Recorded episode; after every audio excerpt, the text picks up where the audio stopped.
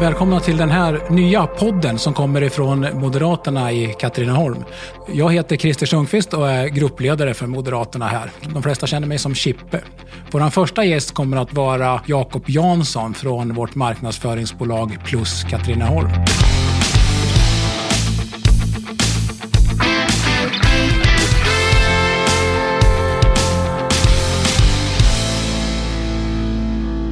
Välkommen Jakob Jansson, ny vd för Plus Katrineholm.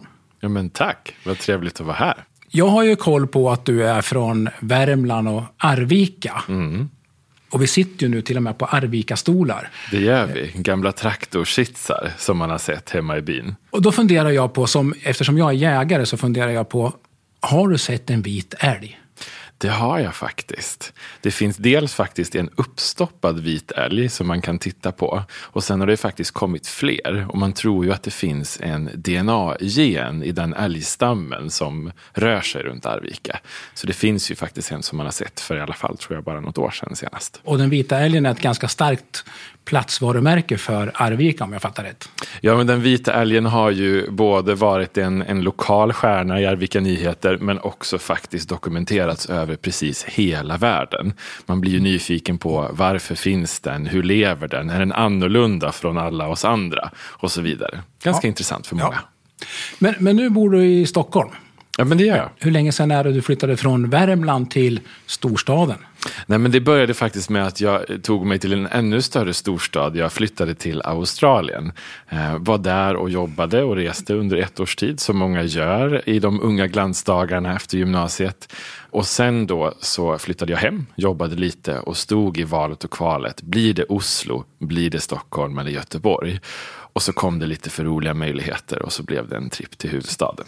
Och I Katrineholm har vi ju utlyst 2022 eh, till hälsoåret. Mm. Då funderar jag på, från Södermalm, jag var tvungen att gå in och titta på en karta, liksom mm. hur långt man hade till centralen. Och då kändes det som, den lagom morgonpromenad. Tar du en morgonpromenad eller hur hälsosam är du? Ja, men jag är väl inte en sån som vill räkna ut mig själv att jag har en rutin. Så att det blir promenad några dagar i veckan. Även jag vaknar sent och springer mot tunnelbanan. Men kanske ännu liksom mer gillar jag att ta cykeln ner runt backarna.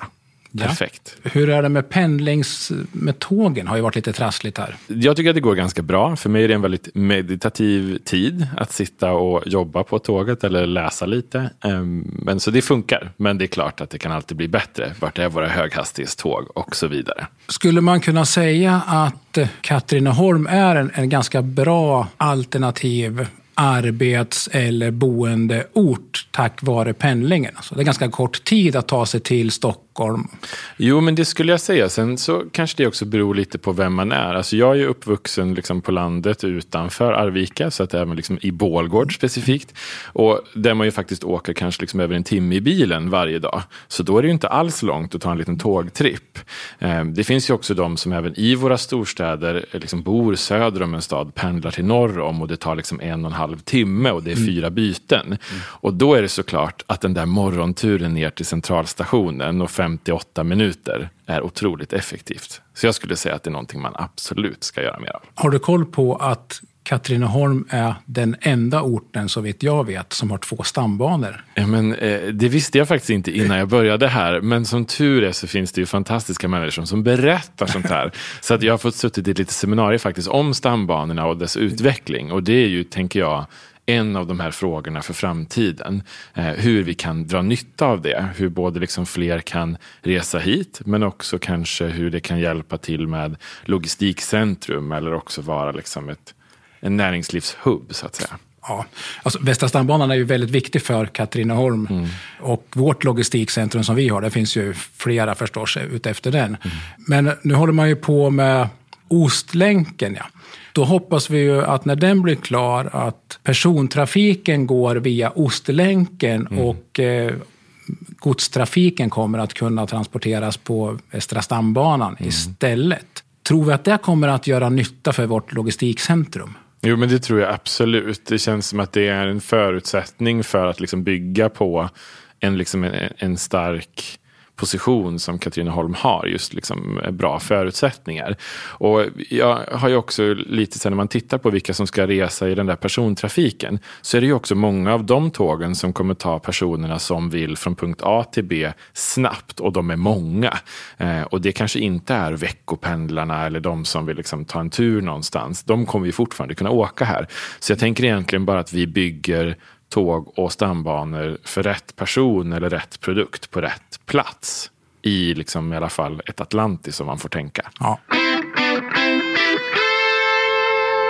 Examen Project Tutor, Bergs School of Communication. Kanske ett av mitt livs största hedersuppdrag. Eh, Bergs School of Communication är ju bland världens bäst rankade kommunikationsskolor och vi är ju otroligt duktiga på kommunikation i Sverige. Och där då har jag förmånen att få vara handledare till examensprojekten. Och det kan man ju säga är alla utbildningars crescendo. Det är alltså när riktiga företag kommer med riktiga problem och utmaningar och alla discipliner på den här skolan samarbetar i ett projekt. Eh, och då försöker jag vara deras spirit animal, för att säga något ännu mer på engelska då. Ja. Eh, men egentligen bara eh, se liksom att ja, hjälpa till, assistera, vara lite som någon form av projektmentor kanske man kan säga. Är det det uppdraget eller den kontakten till mm. Bergs som du har som har gjort att det nu kommer elever därifrån som ska göra examensarbete om besöksnäringen i Katrineholm? Men man kan väl säga att det, det kanske är en del av anledningen, men den riktiga sanningen är ju att så här, Katrineholmarna och de som existerar här är ju väldigt nyfikna. Eh, det är en sån fin grej och en av de första frågorna jag fick på en lunch med en av kommunens tjänstepersoner var ju så här, ja, men vad är det för någonting? Lite precis som du frågar nu, vad är det här Exam Project Tutor för någonting? Och vad är den skolan för någonting? Då frågade man ju såklart i nästa led efter man hade förstått vad det var är det någonting vi kan ta del av? Och det sa jag, ja det är bara en, en mejlkorrespondens bort. Vi kan väl fråga, har ni någon kommunikativ utmaning? Och det finns ju hur många som helst. Jag jobbar ju till vardags med att sätta Katrineholm på kartan och vara en inkubator för massa bra saker. Och kommunen har ju också en, en massa olika delar som man vill föra fram och ut. Och då blev det i slutändan en utmaning där studenterna då ska jobba med hur får man fler att välja, upptäcka Katrineholm och dessutom då välja att besöka eller till och med bosätta sig här. Vad ska vi göra för att fler ska sätta sig på den där stambanan? Antingen ja. tillfälligt eller permanent. Och det är bara en timme till Stockholm? 58 minuter. Ja. Det är under en ja. timme till och med. Sen ser jag att du har ju startat ett eget bolag, vd och grundare för en produktionsbyrå. No Ordinary 12. Vad är det för något? Jag har ju varit verksam inom varumärkesarbete och kommunikation eh, i hela mitt liv egentligen. Jag kommer också från en entreprenörsfamilj. Vi är femte generationen i min pappa som driver ett åkeribolag i Arvika. Så det där finns både i generna eh, och i, i förutsättningarna för vad man kanske skulle kunna ta sig till. Och jag och en av mina allra bästa vänner startade då en produktionsbyrå 2013 och drev den i åtta års tid och jobbade med ja, men kreativ och varumärkesorienterad kommunikation för några av Sveriges allra största företag. Såväl som för unga musiker och designers som var på väg att bli de där nästa stjärnorna. Superkul. Jag tycker egentligen alla borde få testa på, eller kanske våga testa på, att driva eget. Sen har vi flera andra Creative Director Affect Agency. Det var ju eh, också så här, jag, jag, är ju skolad inom eh, PR, evenemang och kommunikation på en av Sveriges största byråer. Och gick ju vidare till att bli då kreativ chef på en kommunikationsbyrå som ville driva, som var väldigt här, säljorienterad och ville jobba mer med liksom sitt erbjudande på marknadsföringssidan. Så det gjorde jag egentligen i, i två års tid och startade upp det och jobbade med kunder som Halebop som är ganska innovativa i sin kommunikation men också otroligt säljdrivna. Så det var liksom en sväng och det är lite så här så som kanske mitt liv har sett ut. Man har gjort någonting, man har gjort vissa saker bra och sen har de lett vidare. Och det var ju också efter den byrån som jag då valde att starta eget. Att så här, ja, men det här med att driva företag, det kanske jag gör ännu bättre själv. Varför inte? Det gör man. Man gör mm. det bättre själv, alltid.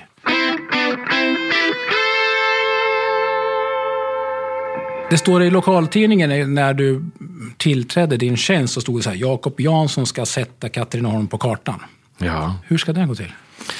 Ja, hur ska det gå till? Vad roligt också, vi måste ju ändå få kommentera hur gedigen research du har gjort inför det här avsnittet. Så, eh, men, nej men jag har ju sett lite så här, kanske ett utifrån perspektiv, så här, här skulle man kunna göra mer. Det här behöver man jobba mer kanske på längre sikt och vissa saker kan vi göra här och nu. Och jag tror ju att många bara inte känner till alla de otroliga liksom, fördelarna som, som finns med den här regionen. Och ett exempel från, från min egen värld är ju att jag har alltid älskat konstnären Siri Derkert som ju faktiskt har gjort de ganska uppmärksammade ristningarna. Kommer vi tillbaka till tunnelbanan nere på Östermalmstorg i Stockholm. Men det jag inte visste, det är ju att några av de ristningarna porträtterar kvinnor ifrån Fågelsta, alltså här i Katrineholm. Och någonstans en, en ursprungsplats för kvinnorörelsen och jämställdheten. Och det tänker jag är en sån sak som så här, det finns ju ingen annanstans. Och varför vet inte fler personer det? Och då måste vi ju då tänka på så här, ja men hur gör vi det då? Mm. Och då tänker jag att vi har en massa bra idéer, eller i alla fall en ambition. Och det är ju ett sätt att sätta Katrineholm på kartan, att bara jobba med att kommunicera allt det som faktiskt också finns. Och den andra delen i att sätta Katrineholm, Vingåker och Flen kanske också ibland liksom på kartan, är ju att se vad har vi inte? Nu idag som vi behöver liksom fixa till. Och där är jag mm, mm. förespråkare för ett antal olika saker som jag tycker är viktiga med en konserthall eller ett kulturhus till som är stort och som har många möjligheter. Och du var inne på det här med handbollen tänkte jag också på nu. Där vi har varit bäst i Sverige på handbollen i Katrineholm. Men om vi ska bli bäst i Sverige igen ja, då kanske det är dags för en, ett nytt sportcentrum eller en ny hall som klarar alla de där liksom, kraven som man behöver ha för att ha en landskamp. För det är såklart, ska vi vara bäst, då behöver vi ju liksom vara en plats för världen att vara på. Och då blir utsikten lite större, då behöver vi jobba lite mer. Och du Christer fick ju också en lite större beställning efter valet kanske. Nu, nu, nu hör ju jag som, som politiker och vi sitter med planeringsförutsättningar och mm. håller på med budget, att det där blir nog på lång sikt. Vi, vi, har precis investerat i ett nytt äldreboende. Mm flera nya skolor och flera idrottshallar, även om de är ju små så de tar ju inte stora arrangemang. Mm. Plus en isarena. Mm. Så att vi ligger högt i investering, så vi behöver ja. lugna oss lite. Vi får, vi får vänta lite. Och då tänker jag så här att ibland så ska man ju lugna sig och ibland inte. Så att, men också så tänker jag att så här, det är viktigt att vi då pratar om det. Vad är det vi vill? Vart är det vi ska? Och någonstans är ju liksom min funktion och liksom plus Katrineholm som bolag ska ju försöka vara med och bidra till det där oavsett vad det där är. Och då tänker jag, nu sitter vi här och snackar om vad det kan vara. Och så behöver vi också komma ut på stan och kanske träffa lite fler av medborgarna. Och det är ju då i det där mötet så hittar vi kanske någonting, så här vill vi satsa lite. Och då, när vi väl har kommit på det, då ska vi köra skiten ur det. Och det är inte säkert att det skulle vara en helt kommunal investering. Man kanske kan ha andra samarbetspartner. Men det är det som är så fint när vi hjälps åt, tänker jag. Vi behöver föreningslivet, eh, den ideella kraften, eh, vi behöver entreprenören, pionjären. Vi behöver också våra kommunala förvaltningar och också, som Plus Katrineholm, ett eh, kommunalt bolag som ägs av näringslivet och kommunen ihop. Bara där är ju en samlad kraft framåt. Ja, och där har ju jag någon sån här tanke om att marknadsföringsbolaget borde mm. kunna vara mer engagerad eller hjälpa till vid, när vi håller på med etableringar till kommunen. Mm. Jag hade ett möte häromdagen där en, en grannkommun talar om att eh, de var tvungna att säga nej till fler etableringar för de har inte mark. Och då vart ju min då direkt politiska och ansvarstagande kommunpolitiker. Frågan vart, ja men eh, talar ni om för de här som ni sa nej till att det finns fler kommuner i länet? Och, mm. och det behöver kanske inte vara inom länet heller, men huvudsaken för vår del är ju att eh, etableringen sker söder om Stockholm. Mm. Det, eftersom det går att pendla och mm. det ger arbetstillfällen. Mm. Och det finns ju mark. Och det finns ju mark, inte i den här den kommunen då, för de hade ju slut. Nej, men här tänker jag. Här, här ja. finns det ju mark och även om inte kommunen har massor av mark så har vi ju stora markägare runt omkring oss som gärna är med. Så att här finns det ju. Mm. Och vi förbereder ju nu på mm. Lövåsen. Så att eh, vill man etablera sig i Katrineholm så finns ju alla möjligheter i alla fall. Mm.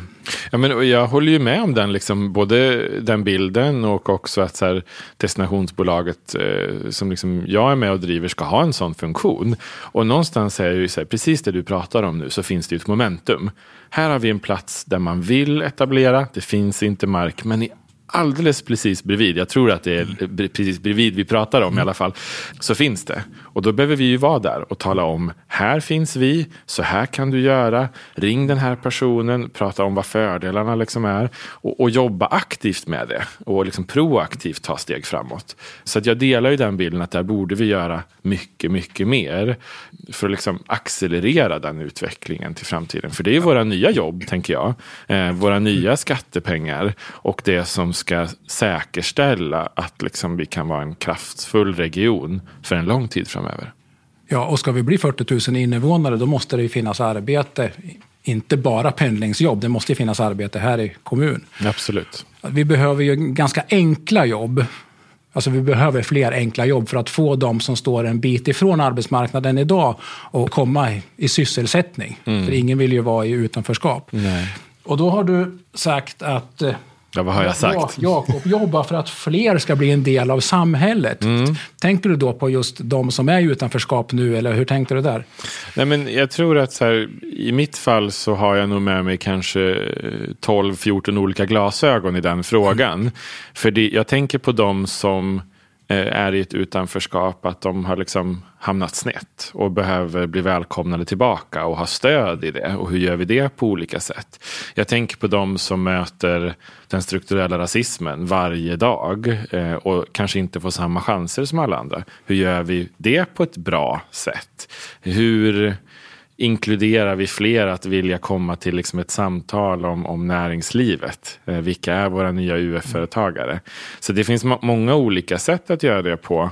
Och det jag tänker att vi, vi vill väl vara fler, vi vill vara starkare tillsammans och alla ska ha en chans eller en plats vid bordet.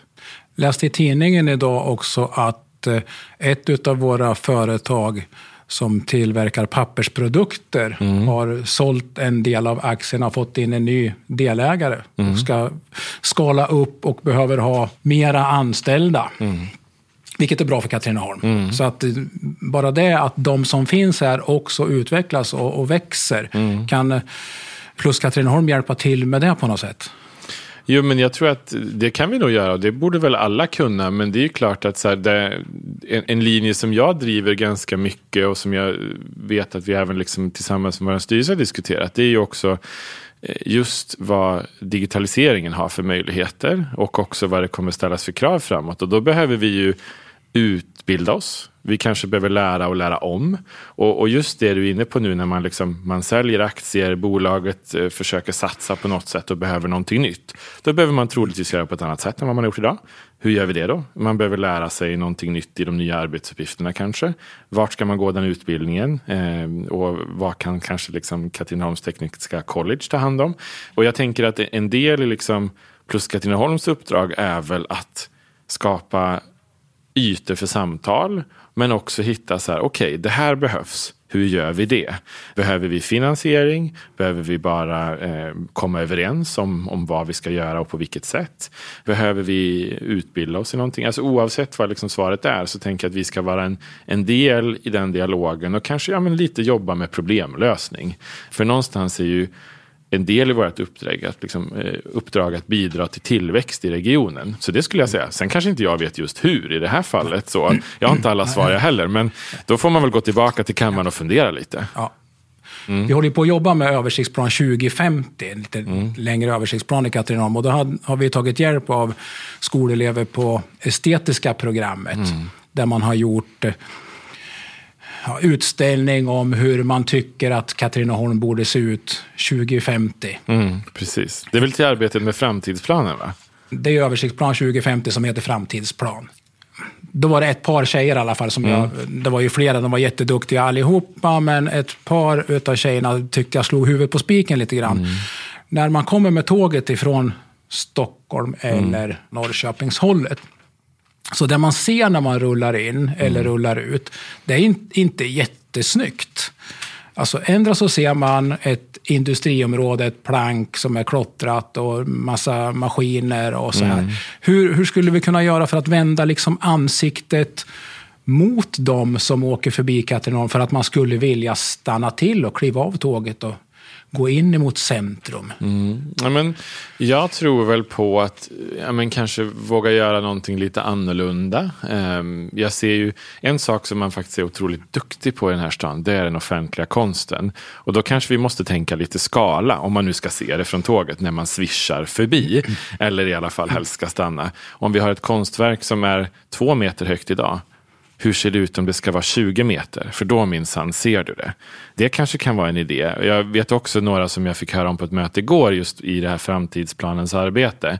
Så var det många som jobbade med tankarna från parkering till park. Alltså vad jobbar vi med med grönskan? Och vi har ju en duktig liksom, stab tycker jag när det gäller eh, plantering och liksom, vård av stadsrummet. Och då kanske det är någonting återigen, hur gör vi för att någonting ta för sig på ett ännu större sätt. Och då är jag alltid en förespråkare av, jag, jag tjatar om det här nästan lite för mycket, låt oss titta ut i världen. Alltså ja. vad gör man i Dubai just nu där man bygger på helt galna sätt skulle jag vilja säga. Och det är klart att vi inte ska kanske göra som Dubai, men vad gör de som är bra? Kan vi göra någonting liknande? Eller någon annanstans i världen? Eh, och Ja, men det tycker jag är jätteintressant. Låt oss kanske koka ner det till då, för jag ska också ge ett, ett specifikt svar. Ja, men kanske då skulle jag tagit konsten och grönskan. Det är mina två verktyg jag väljer i kampen för att någon ska gå av tåget. Jag har fått eh, beröm från eh, folk som inte kommer från Katrineholm över att mm. vi har vår lokala konst mm. som vi har, så har vi också på vår hemsida har vi en karta där de är utmärkta. Så man, och man kan gå in och titta på dem och se hur det ser ut. Och det var ju alla fall den jag pratade med, väldigt imponerad över att vi hade så. Jo, men det är det. Och också så här, faktiskt de här studenterna som du pratade om i början av, av dagens program. De sa också så här, ja men det var ju faktiskt fint här. Det var deras första bild. Så de hade en förväntan av att komma till en, en ganska tråkig stad utan ett vackert stadsrum. Och var så här, ja men ni har ju en fin utställning som pågår nu när till exempel då återigen så här, Medborgarskolan i Fågelsta har dekorerat ett ägg här inför påsken. Som ju faktiskt har varit för någon, några veckor sedan. Vi har lite planteringar och vi har den offentliga konsten. Och då tänker jag så här, men då är vi duktiga. Men ja. nu ska vi bli bäst. Vad gör vi då? Nu är det ju eh, ganska tidig vår, så framåt sommaren så kommer det ju vara jättefint. Och vi har ju jätteduktiga parkarbetare. Men det är som, precis som du säger, man ser det liksom inte när tåget stannar till och du mm. tittar ut mot centrum. Men kliver du av och går in mm. så, så, ser du hur fantastiskt fint det är egentligen. Mm. Så vi ska plantera lite på perrongen? Lite på perrongen. Ja, eller någonstans där man ser, så att man, mm. det blir lite dragningskraft. Mm. Nej, men jag, jag gillar den tanken och tycker ju bara, så, ja, men när börjar vi? Vi kan ju hämta varsin spade efteråt ja. kanske och se vad vi kan få ja, till. Kanske. Exakt. Mm. Våra moderata kärnfrågor, det är ju trygghet. Mm. Vi mäter ju upplevd trygghet. Mm. De som känner sig otrygga är ju oftast äldre, damer som ska passera ja, torget kanske, eller mm. eh, Lövatunneln som den heter. Mm. Men de som egentligen råkar ut för besvär, det är ju unga killar i 16, 18, 20 års åldern. Mm. Det är de som råkar illa ut. Mm. Men de känner sig inte otrygga. Så, så, frågan är ju om det är otryggt eller om vi behöver liksom förbättra känslan bara. Ja, men tror du att det kan vara så, typ, så här, för det här tycker jag är lite intressant. Jag är ju intresserad av så här, beteendevetenskap. Tror du att det kan vara så att de, de där tanterna nu, om vi kallar dem för den gruppen, och de får stå för det. Tror du att det kan finnas fler som känner sig otrygga, men som kanske inte vågar snacka om det? Alltså så här, för jag tänker om det, om det är några som kan, man kan se i statistiken, så här, de här råkar illa ut och de här känner att det skulle kunna vara att de råkar illa ut att det finns liksom en, en diskrepans däremellan. Så vad, vad hittar man där då? Alltså det är svårt att svara på för mig. Jag mm. vet ju inte vilka man har frågat för att få fram den här statistiken. Om Nej. Går man ut och frågar de som är ute, ja då missar man ju de som inte törs gå ut. Mm. Så att säga. Så det, Men vad, vad, vad, finns det för, typ så här, för jag tänker att du är ute och lyssnar på en massa olika föredrag och, och politiken blir matade med sig förslag. Nu gör vi så här i Hudiksvall eller nu gör vi så här på Lövåsen. Alltså oavsett vad det är. Men vad, vad, vad tror du man skulle göra då? Alltså jag tror på alltså, mer, mer belysning, mm. fler kameror. Mm. Eh, vi ser till att ta bort liksom dolda lägen. Alltså mm. Höga buskar, eh, mm. Vad det nu kan vara. Så att man liksom man ser sig omkring och mm. vet att ingen smyger på en. Men det är lite intressant för typ så här, jag liksom har ju kollegor som, och också vi är ju aktiva i Citysamverkan till exempel. Ja. Och där pratar man ju faktiskt ganska mycket om så här, ja men belysning, hur kan vi göra det mer? Och nu finns det ju underbara fästen i stan som man kan sätta upp det i. Så där vet jag att både fastighetsägarna och handeln och liksom de människorna som är engagerade där pratar om dels, ja men hur kan vi lysa upp stadsrummet? Men också kanske se det som så här, och där tänker jag liksom plus Katrineholms roll kommer in. Vad är också vackert att titta på? Eller vad är innovativt? Är det en, en lampa som ska lysa upp? Eller är det en lampa som också är i form av ett frö för att vi vill prata om hur vi är ett frö för framtiden här? Um, eller också som, um, jag tänker liksom den offentliga konsten eller det kreativa uttrycket. Det var en av våra medarbetare som, som satt och funderade på så här, men det finns en trappa vid torget som är lite mörk och det faktiskt är några höga buskar nu när du, liksom, när du säger det. Um, och som var så här, men här borde vi kanske måla trappstegen i pridefärger. Um, för det skulle lysa upp och det skulle bli att en mörk trappa blir något helt annat. Och det är ju inte, det är varken dyrt det är inte så svårt. Nej. Men det är liksom den där liksom roliga tanken. Och det är väl sånt som jag tycker man ska satsa mer på. Som går i linje med det du säger också. Så, men hur, hur löser man de här sakerna? Och så ställer jag mig alltid frågan. Hur löser man det på ett kreativt eller innovativt sätt? Som också bidrar till något annat samtidigt. Det kanske är så att ni skulle vara med i, vi har ju en ljusplan. Mm. Eh, där man liksom har en strategi för hur man ska belysa och inte bara sätta upp gatlysen utan lite som du var inne på, det ska ju mm. också se bra ut mm. med fasadbelysningar kanske. Man kanske belyser träd underifrån och, mm. ja, så det blir snyggt. Och den planen finns ju, men den eh, kanske behöver revideras, vad vet jag. Ja, men, men, men jag tycker det är liksom intressant. Och sen kan man ju liksom gå hur långt som helst i det och prata klimat. Alltså det är många som pratar om ljusförorening ifrån rymden Oj. som en fråga. Så helt plötsligt då, så en fråga i Katrineholm bidrar också på inte bara ett globalt plan, utan ut i universum. Vad är ljusförorening? Nej, men det är alltså när man pratar om att så här, Ehm, att ljus också förorenar och till exempel så finns det ju fågelarter eller olika insekter som navigerar efter stjärnorna. Och när vi då tänder upp jorden allt mer, som man ju faktiskt har gjort de, de senaste liksom, årtiondena, så börjar deras liksom, system slås ut och den biologiska mångfalden kan drabbas. Och den vet vi ju behövs för att till exempel liksom, säkerställa eh, befruktning för växter och så vidare. Och, och, vi är ju, liksom ett, tänker jag, en region där vi har många odlare och vi har jordgubbsplockning utanför stan som vi vill ska finnas kvar om fem somrar också. Men just ljusföroreningar är då när man pratar om att vi, vi tänder upp stadsrummet men vi också kanske förstör på vissa sätt. Och det finns ju otroligt duktiga arkitekter eh, och människor som kan det där. Som då är så här, vi ska fortfarande ha lampan och vi ska lysa upp den här vid den här busken som var lite hög och lite mörk. Men hur gör vi det utan att det drabbar liksom miljön? Eller också liksom hur sparar vi på ljuset så att det landar på rätt ställe? Och det tänker jag också belyser lite hur svår en fråga kan vara när man sitter och planerar för ett stadsrum. För det är så många som berörs av det. Både de som har en röst och de som inte har det. Jag hör ju att vi behöver uppdatera ljusplaner. För det, jag tror inte de där perspektiven de här överhuvudtaget där. Nej, men, och jag tror så hade de varit det, då hade vi suttit och pratat om något helt annat. Det är ju det som är det fina med liksom framtid och utveckling. Att man har man tagit sig till ett steg så lovar jag att det går att bygga ett litet till. Vi kanske måste jobba med att öppna sinnena istället. Ja om vi nu får till det här, allt mm. bra som plus Katrineholm och kommunen ska göra gemensamt, mm. då borde vi hamna i en situation där vi inte behöver jaga etableringar, utan man kommer hit och frågar, får vi komma till Katrineholm? Mm.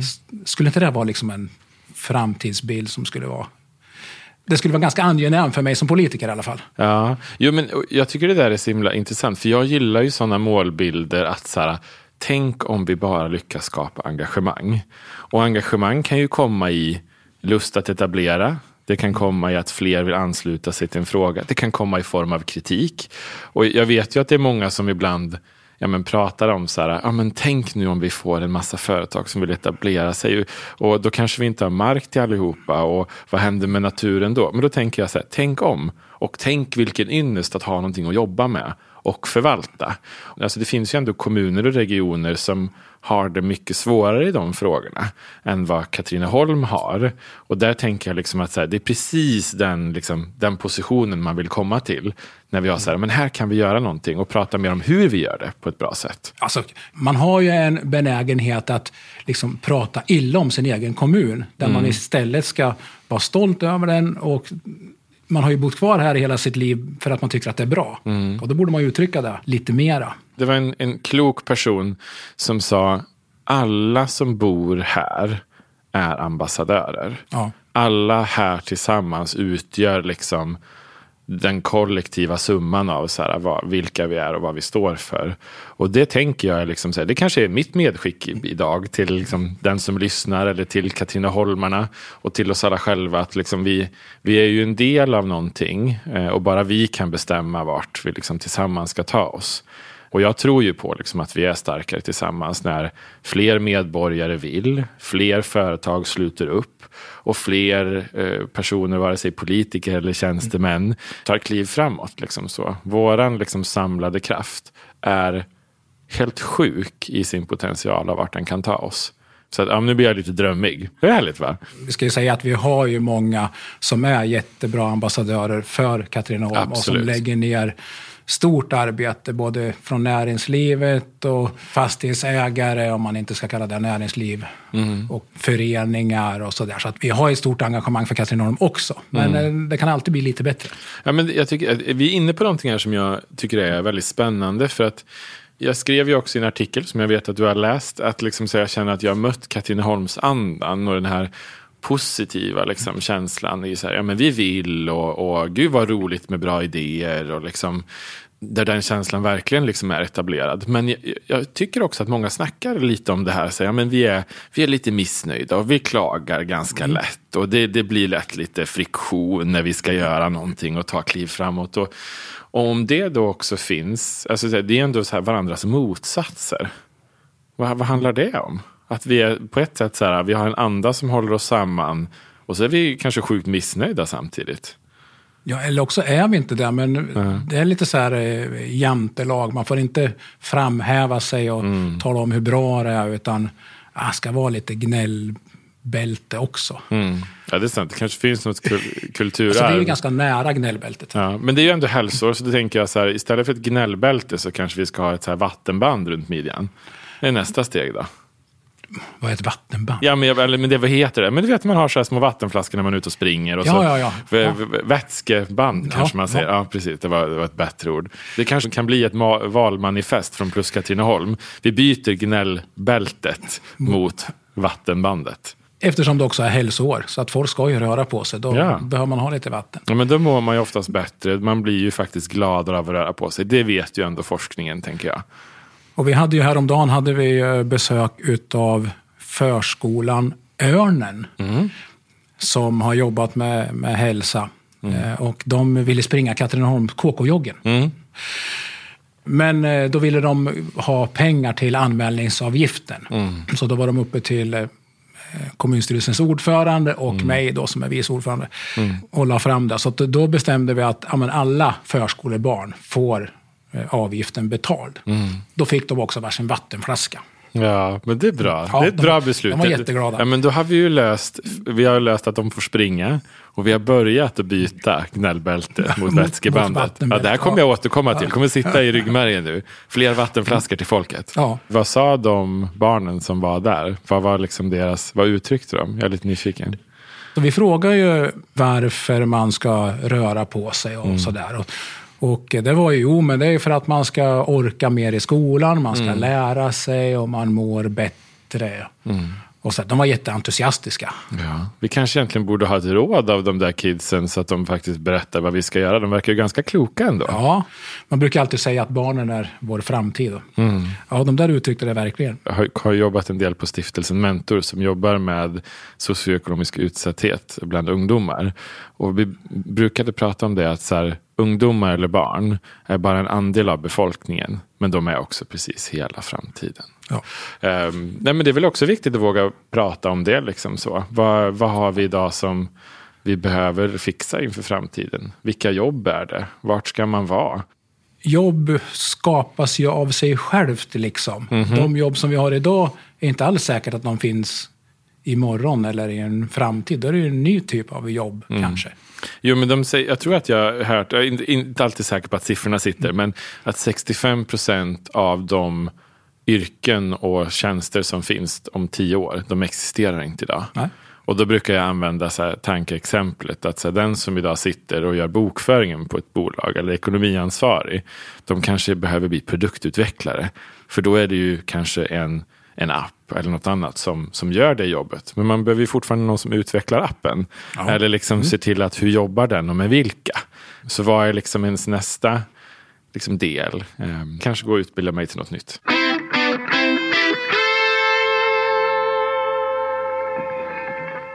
Du hade jobbat också för stiftelsen Mentor.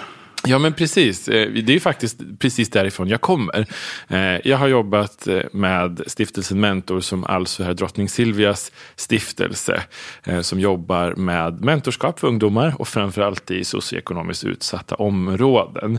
Så egentligen jobbat med att skapa det där klistret i samhället eller att fler väx, får växa upp hälsosamt och drogfritt som ju faktiskt är den stiftelsens ändamål och de frågorna som Hennes Majestät brinner otroligt mycket för.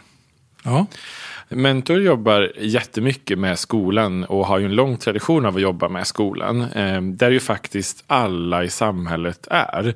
Det är ju en av de där platserna där, vi liksom, där ingen lämnas utanför. Det finns ju såklart några eh, Eh, lite tråkiga exempel. Men de flesta barn och ungdomar tar sig till skolan. Och därför jobbar Mentor via skolan som en stark insats. Um, och där man ju faktiskt både kan se resultat i känslan av gemenskap. Som, um, eller också att man känner att man har fått fler förutsättningar än möjligheter i livet. Alltså på ett sätt i, i mentorskapets kraft så jobbar man ju med nätverkande.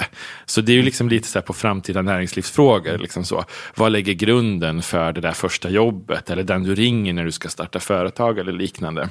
Och så kan man ju också se att även liksom skolresultat och ja, men mående överlag, liksom, det mesta går upp när man får vuxenstöd. Och då antar jag att man, man jobbar med alla, alla skolor, både kommunala och friskolor och över hela linjen. Liksom. Ja, när man jobbar med liksom, ungdomar som mentorerar så är det väl egentligen ovidkommande vart de är, liksom så, i vilket format. Men eh, vi jobbar med, med alla skolor, och både kommunala, till exempel i Södertälje, vi är väldigt stort för den stiftelsen, men också till exempel som Järvaskolan som är ett av våra mer socioekonomiskt utsatta områden i Sverige.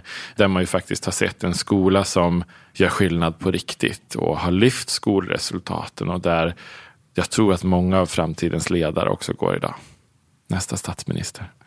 Och Järvaskolan, är, är det en, en friskola eller är det en kommunal skola? Det är en friskola. Eh, Så det är en, en, de har bildat en, en stiftelse som driver den. eh, Och där deras liksom då, eh, alla insatser går tillbaka till den stiftelsen. Och de vill ju också starta fler skolor. Så vi kanske har en Järvenskolan här i Katrineholm snart. Varför inte? Man hör ju ofta att friskolor bara tar de duktiga eleverna. Mm. De liksom åker lite räkmacka bland eleverna. Men det verkar ju inte vara så här. Här tar man, alltså i ett utsatt område så måste man ju ha alla typer av elever. Mm. Nej, men jag, jag tror att det finns ju massor med exempel på vad som kan hända och också situationer där det har gått fel. Men, men som i det här fallet så jobbar man ju med att liksom all vinst återinförs liksom till den stiftelsen. Och jag vet ju också många så här friskolor som kanske min, min familj som är lärare och pedagoger i stort sett allihopa har ju också varit aktiva i att driva i att det, det kanske behövs initiativ för, för dans som är väldigt svårt att göra inom en, en större typ av verksamhet till exempel. Och där man ju ser sådana där egentligen man tar tillvara på engagemang från samhället, från unga, eh, men också kanske från föräldrar som ju faktiskt chippar in en hel del arbetskraft. Och vad är det värt då?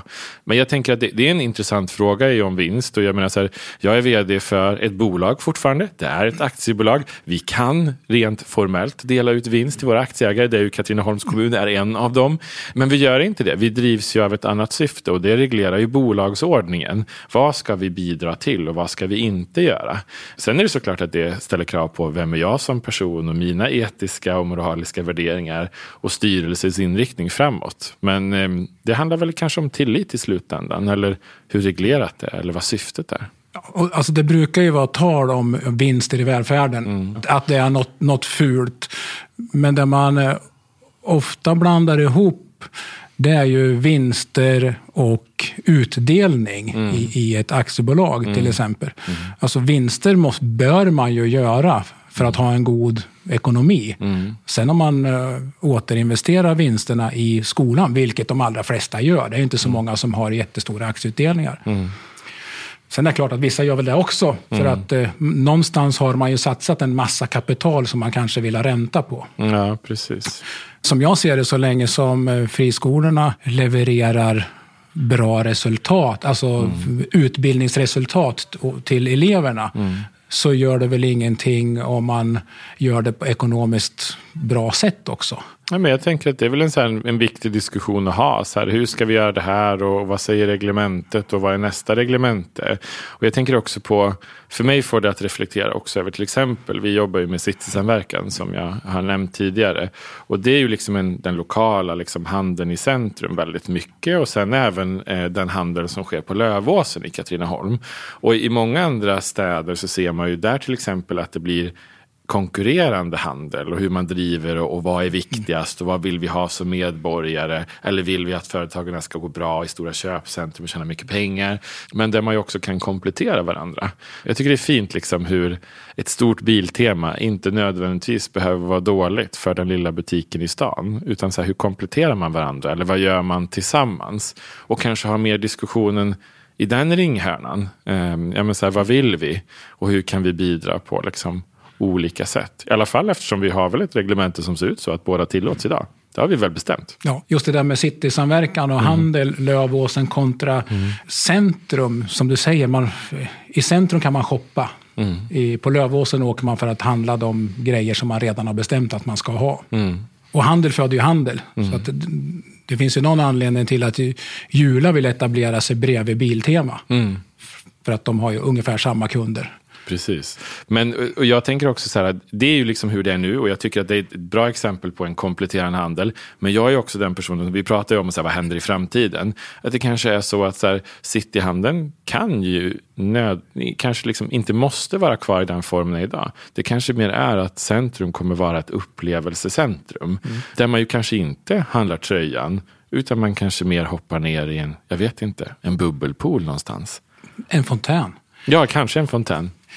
Vi har ju en, en stor matbutik på Lövåsen som jag pratade med som hade någon eh, vision om att ha ett växthus på taket. Mm, och, och, odla grönsakerna som man sen kan sälja nere i butiken. Mm. Men det, det är så ett roligt exempel på, jag tänker ju att Katrineholm är väl känt som att ha varit en stor industristad och vi har haft Ericsson och jättestora SKF-etableringar och är ju någonting annat idag. Och eh, en annan sån stad i världen är ju Detroit där man jobbar mycket med den här stadsodlingen, alltså vertikalodling eller eh, konstgjord belysning och alla de delarna det är också ett sätt, tänker jag, på att utveckla liksom, ja. eh, en region och vad vi kan göra framåt. Men jag tänkte också på, när du pratar om citysamverkan och eh, torget, så mm. kan man ju inte låta bli att säga torget, huset på torget. Ja, en varning för alla lyssnare igen, nu ska vi prata om guldhuset. Ja, men det är ju inget guldhus. Det är ju det eh, som jag skulle komma till. Eller är det? Har vi bestämt det? Vet vi det? Alltså, vi hade en eh, tävling mm. där det vinnande bidraget var ett eh, guldhus. Mm. På något vis så skrev man något, något avtal med här, mm. den här arkitekten om att eh, man skulle uppföra det här. Jag tror det var så att det fick inte kosta mer än 20 000 per kvadratmeter. Eller åtminstone fanns det någon, mm. någon ekonomisk begränsning för att mm. bygga det här. Och det visade sig säga att eh, det gick inte att bygga för mm. de pengarna. Yeah. Guld kostar för mycket alltså? Guld kostar för mycket. Nej, men det var väl, man skulle ju ha någon stor öppen grej i mitten där det inte mm. skulle vara lägenheter och då fick mm. man ju inte intäkter så det räckte. helt enkelt. Så nu är det där legat lite i malpåse. Mm. Men eh, detaljplanen är ju klar, mer eller mindre i alla fall. Mm. Eh, och det finns en eh, byggherre som vill bygga. Mm. Och det senaste förslaget, då, då, är det ju att det är ju ett eh, putsad fasad mm. med gulglaserat tegel i mm. nerkanten. Mm. För det är lättare att hålla rent och sådär mm. klotter och grejer. Ja, men det är bra. Och det blir ett jättesnyggt hus och det ramar in torget mm. bra. Man kanske kan ha någon butik eller någon café sida inåt. Mm. Jag tycker det är en strålande idé. Men jag tror också på att så här, vi har ju faktiskt en levande stadskärna och vi måste nog också ställa oss frågan så här, hur är det en levande stadskärna även framåt? Och idag så kan ju jag tycka att det finns liksom en hel del att göra på den platsen som i dagsläget är ganska tom, rätt enslig, eh, samtidigt som det också är den soliga sidan av torget. Och där kan man väl göra andra saker då. Så att jag tror att Utveckling är bra. Vi behöver ta vara på, på centrum och vi behöver utveckla centrum. Och jag brukar alltid vara den där som säger att så här, vad är den andra idén som vi kan göra istället. Så att jag tänker att det här är en idé. Vem vet, kanske turistinformationen flyttar in i det huset. Eller man ska levandegöra det på andra sätt. Men jag, jag, jag tror ändå att så här, från, från destinationsbolagets håll så tror vi på centrums utveckling och att vi behöver tänka nytt och göra nytt. Och jag ser fördelarna i att sippa ett glas lemonad på den sidan torget eller titta på det här stora konstverket 20 meter högt som kanske vetter ut mot tågbanan. Ja, det blir ju strålande. Mm. Tack så mycket Jakob, det var jättekul att ha dig här. Ja, men det är ju roligt att prata om framtiden. Tack så mycket. Tack så jättemycket.